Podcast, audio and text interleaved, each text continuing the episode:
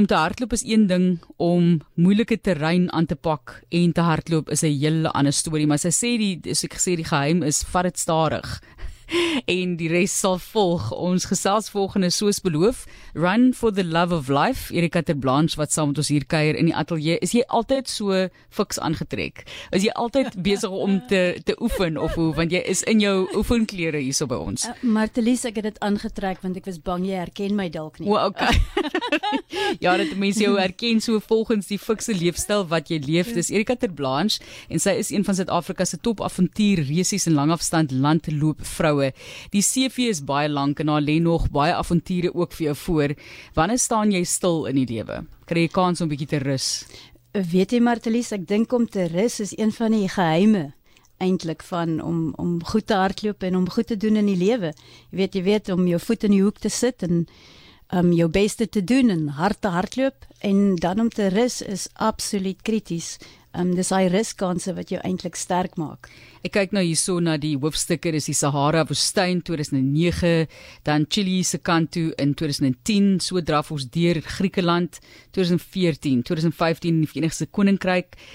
Dit gaan voort 2018 die Comrades was ek wil nogal weet hoe voel jy oor die Comrades in vergelyking met die res van die roetes wat jy al gehardloop het? Weet jy die Comrades is eintlik 'n verskriklike spesiale reis. Ehm um, uh, al die ander resiese wat jy genoem het is ehm um, die formaat is bietjie anders. Dis soort van 7 dag uh resiese waar jy so 250 km hardloop oor 7 dae en jy kan nou jou tyd vat met die. Ja. Maar Comrades, wanneer jy daai dag by die by die by die beginstreep um, aankom. Jy weet jy het net een kans, jy het net ja. daai een dag binne tyd, binne tyd te wees. Binne binne 'n baie beperkte tyd. En dan ek dink wat Comrades ekstra spesiaal maak. Ekstra ekstra spesiaal is wanneer jy daar by daai ehm um, beginstreep staan. Staan jy daar skouer aan skouer met die res van Suid-Afrika en die res van die wêreld my laaste comrades het ek die mees ongelooflike um, ondervinding gehad. Jy weet die mense druk, hulle druk so sardyne, jy word daar teen die drade styf gedruk. En dis daar 'n Khoza en 'n Zulu man aan elke kant van my en voor my staan 'n Belgiese man. En die ouens het my so ingetrek en weggehou van die van die grens van die drade af om my veilig te hou.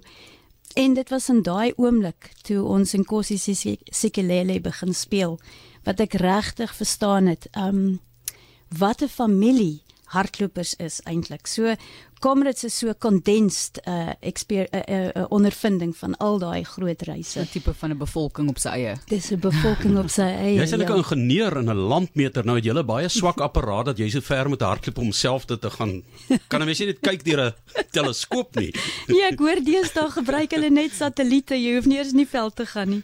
Ja, so ek is 'n landmeter en ingenieur van agtergrond, maar um, ek het uh, binne 'n uh, uh, uh, baie kort tydjie ook in besigheid ingegaan, hmm. so finansiële dienste vir baie lank vir altyd 'n aanvoeling vir land en omgewing en in die ruimtelike omgewing buite die ja. die stede, né?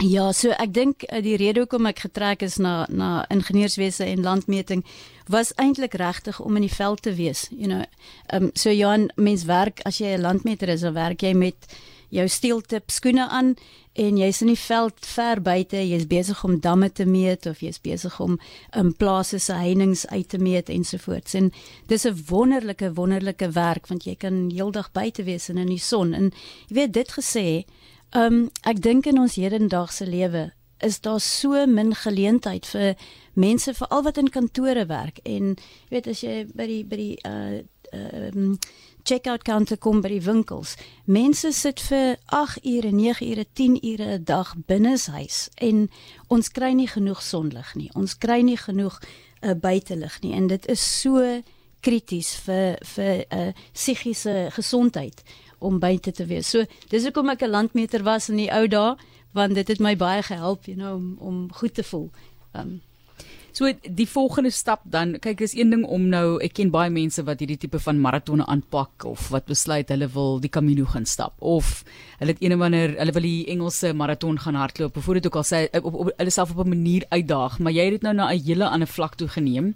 So gee vir ons 'n bietjie 'n verloop van jou as mens tot waar jy vandag is om hierdie top avontuurresies en landlooppersoon in Suid-Afrika te wees. Ja, so dis dis nogal interessant want ehm um, Johan het eintlik daarin geraak nou met die landmeting. So sover ek kan onthou toe ek klein was, my my eerste avontuur dink ek was ek nog in Doeke en ek het um ver weggeloop van die huis af.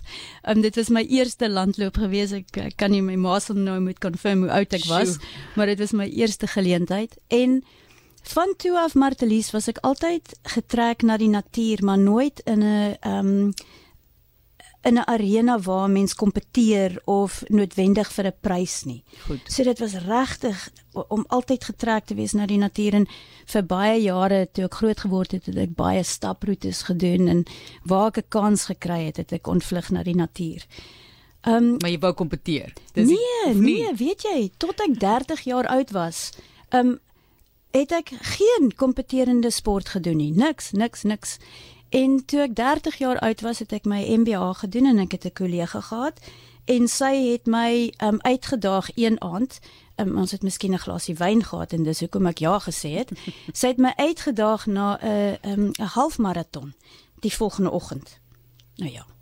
Dit was my eerste halfmaraton gewees en ek was 30 jaar oud. Sommige sommer net, geen hmm. voorbereiding nie, sommer die volgende oggend. Dit was verskriklik. Maar jy was eintlik reeds fiks. dit was nee, nee, dit was verskriklik. Dit was 'n verskriklike ondervinding. Onthou ek net vir die mense sê sy praat nou van 21 km, 'n ja. halfmaraton. En en en dit was dit was en, nee, nee, ek was sport maar jou het gegaan. Nee wat, ek wil nie te lank daaroor praat nie, dit was traumaties. Maar maar die laaste kilometer. ek kan eintlik Johan, jy weet jy jy jy skakel hierdie goed uit jou brein uit, jy vergeet. Ehm um, gelukkig. Gelukkig ja. Maar in 'n geval toe toe het ek en die vriendin ehm um, Ons het 'n sport ontdek met die naam van uh uh adventure racing. Ek weet nie of daar Afrikaanse ekwivalent. Ek het daarvoor gesoek, maar ek kon maar avontuurresies. Dis maar die beste wat ek mee vorendag kon kom. Dis reg, so avontuurresies en toe ek op avontuur, ek het dit op TV gesien. Dit was ek dink dit was die Eco Challenge in Fiji. En toe ek afkom op die sport waar jy dag en nag aan mekaar kan hardloop, fietsry, kajak, ehm um, canyoneer, wat ook al in die wildernis met net 'n kaart en 'n kompas en jy is gewoonlik 4 mense in 'n span en een moet van die opposite uh, geslag wees. So dit is gewoonlik 3 3 ouens en 'n vrou. Ja. Toe weet ek ek het my sport gekry. Haar CV is in die algemeen indrukwekkend. Dan praat ons nog nie van die avontuur en hoe fiks sy is nie, buite in die feit dat sy dan nou eintlik 'n ingenieur is en daardie vlak ook natuurlik soos wat Johan verwys het, het sy ook 'n meestersgraad in besigheid, 'n graad in sielkunde, 'n meestersgraad in positiewe sielkunde en baie ander kwalifikasies as 'n groepafrigter en persoonlike afrigter en fasiliteit en krag kry, weet ek nie, maar dis indrukwekkend. Ons het vir Erika te Blanche saam met ons in die ateljee en sy is 'n baie bekende avontuur resies persoonlikheid in Suid-Afrika en langafstand landloop vir vroue. Ek gaan nou 'n bietjie praat oor die stadige hardloop want jy sê dis die geheim, maar kom ons praat net oor hoogtepunte. Ek het nou na 'n paar van hulle verwys oor die jare het jy al so baie gedoen vir die bedryf ook en ek weet jy het Suid-Afrika al verteenwoordig reg oor die wêreld heen. Jy het ook byvoorbeeld vir Suid-Afrika verteenwoordig by die AR Wêreldkampioenskappe in Nieu-Seeland in 2007 die Atacama woestyn Chili soos ek verwys het die Namib die Kalahari en ons gaan nou nou praat oor die moeilikheid en die feit dat jy ook bietjie praat van die persoonlike moeilikheid en die hart. So hoogtepunte asseblief. Ek weet dis onmoontlik vir jou eintlik om hulle almal deur te draf. Mense moet maar gaan wees. Nee, dit is 'n groot vraag Martelies want jy weet mense vra eintlik wat is die hoogtepunte en dan begin 'n mens wonder hoekom hardloop 'n mens nou eintlik so ver. You ja. know. Um en so, onder sulke moeilike omstandighede ook. So dis nie net is ek vroeër ja. met afstand nie, dit is die terrein is ja. en die en die omgewing is uitdagend. Ja. En so dan met 'n mens sê, you know, is dit die kere wat 'n mens op die podium staan en regtig goed gepresteer het of is dit die amazing vriendskappe wat 'n mens gemaak het of is dit die die exciting goed wat baie keer daar buite gebeur. I mean, een van my een van my absolute hoogtepunte is ek het in die Namib gehardloop. Um en daar was 'n blesbok, 'n blesbok. Ek dink dit was 'n hinks, maar ek kon nie so mooi sien nie. en die bok was seker so 100 meter van my af. Um en toe het hy sy kop gelig daar uit die kameeldoringbome en vir my gekyk en toe het ek verby gehardloop en toe begin die bok soort van parallel aan my bly trippel. En dan het hy bietjie voor my verbygegaan en dan het hy gaan staan en dan het hy vir my gewag.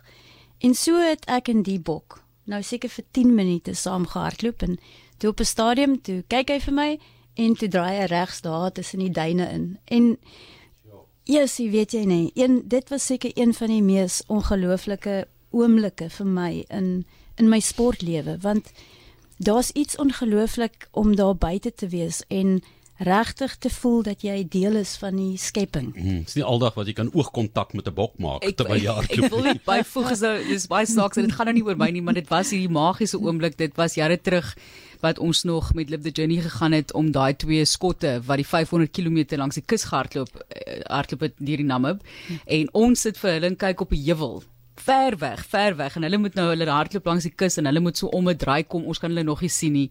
En om die draai lê een van daai bokke massief, massief op die strand.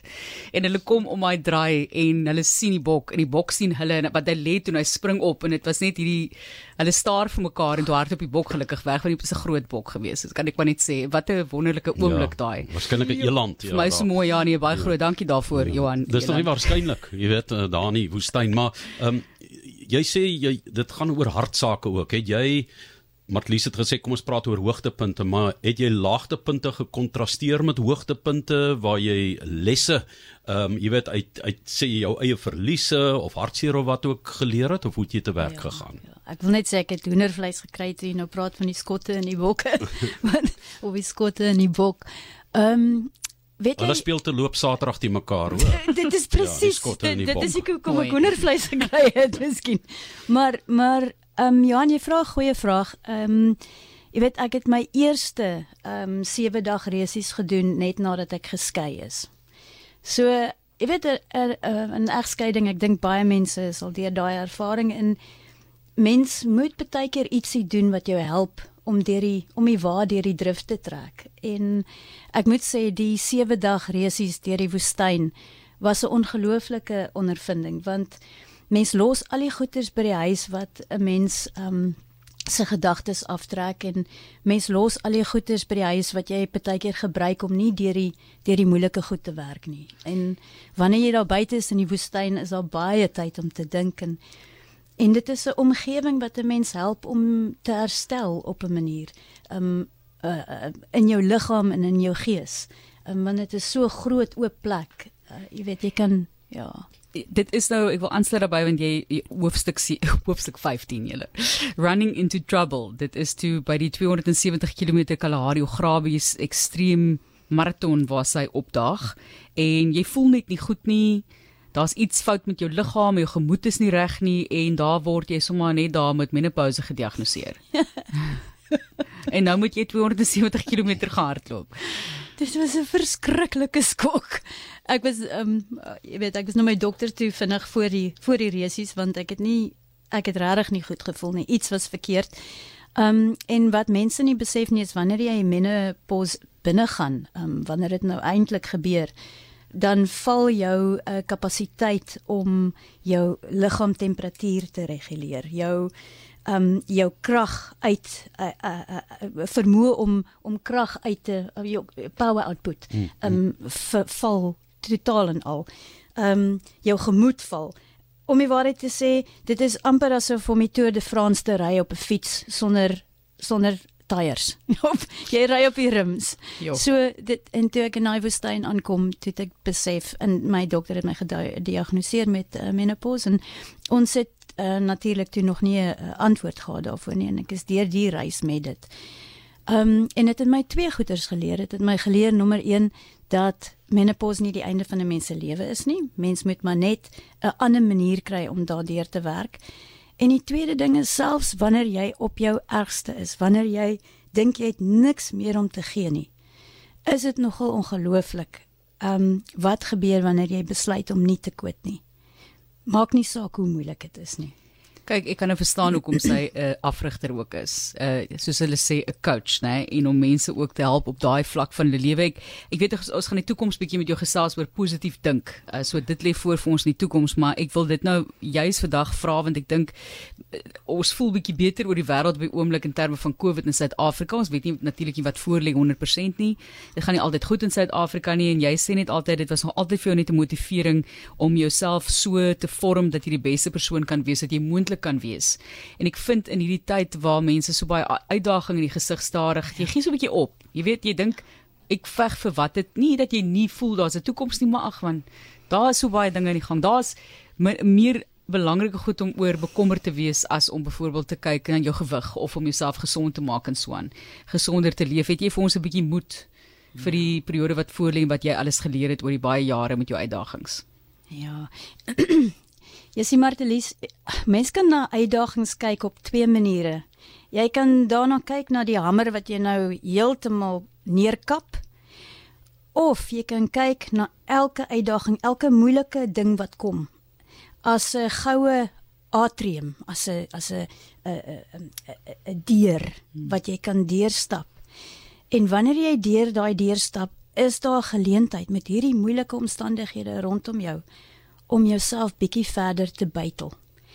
En dit is 'n fundamentele ander manier om te kyk na uitdaging en moeilikheid en en sware omstandighede dat dit daai ding is wat jou vorm. Jy weet niemand groei met 'n pina colada in die hand op die strand nie. Niemand nie.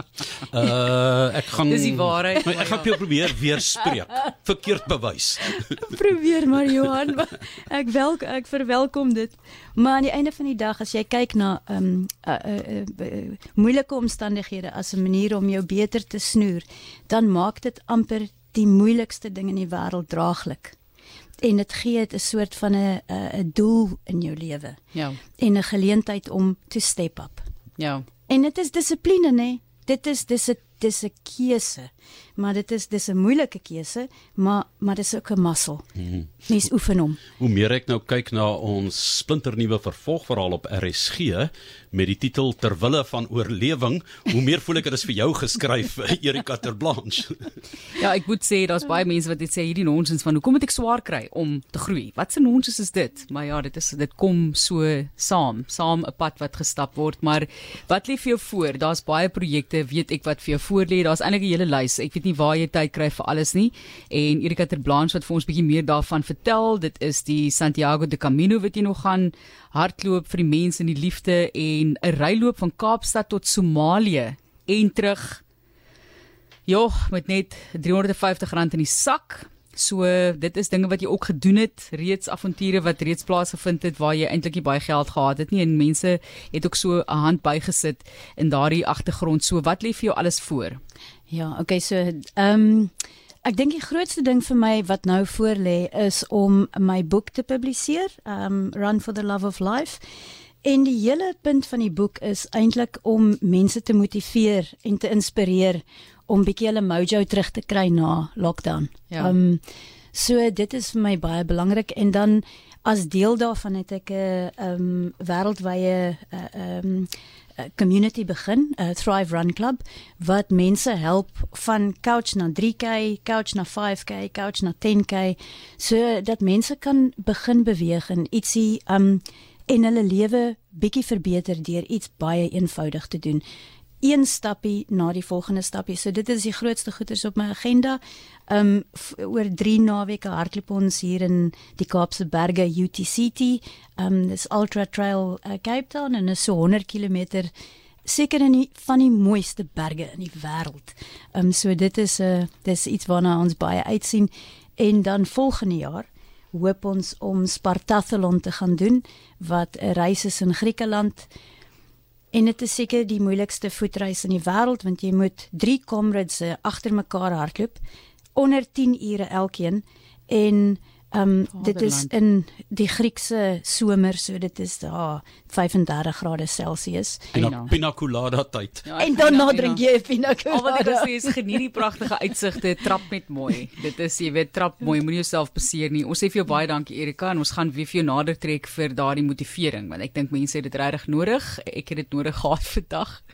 Hooplik oefen ons môre 'n bietjie harder Johan. Mm, ja, wel ek en jy gaan mekaar nie oor 'n glas ouzo oortuig om 'n halfmaraton nee, nee, te doen nee. nie, né? Nee, nee, ja, nee. ons gaan nie ons gaan nie daai valstrik Ek wil daai in elk geval hê nie. Dankie daai daai werkie vir my nie, maar ja, baie dankie weer eens. Ons waardeer jou teenwoordigheid en en daardie motivering vandag Erika. En baie dankie vir julle. Dit was 'n groot voorreg. Ek bring volgende keer 'n bottel ouzo saam.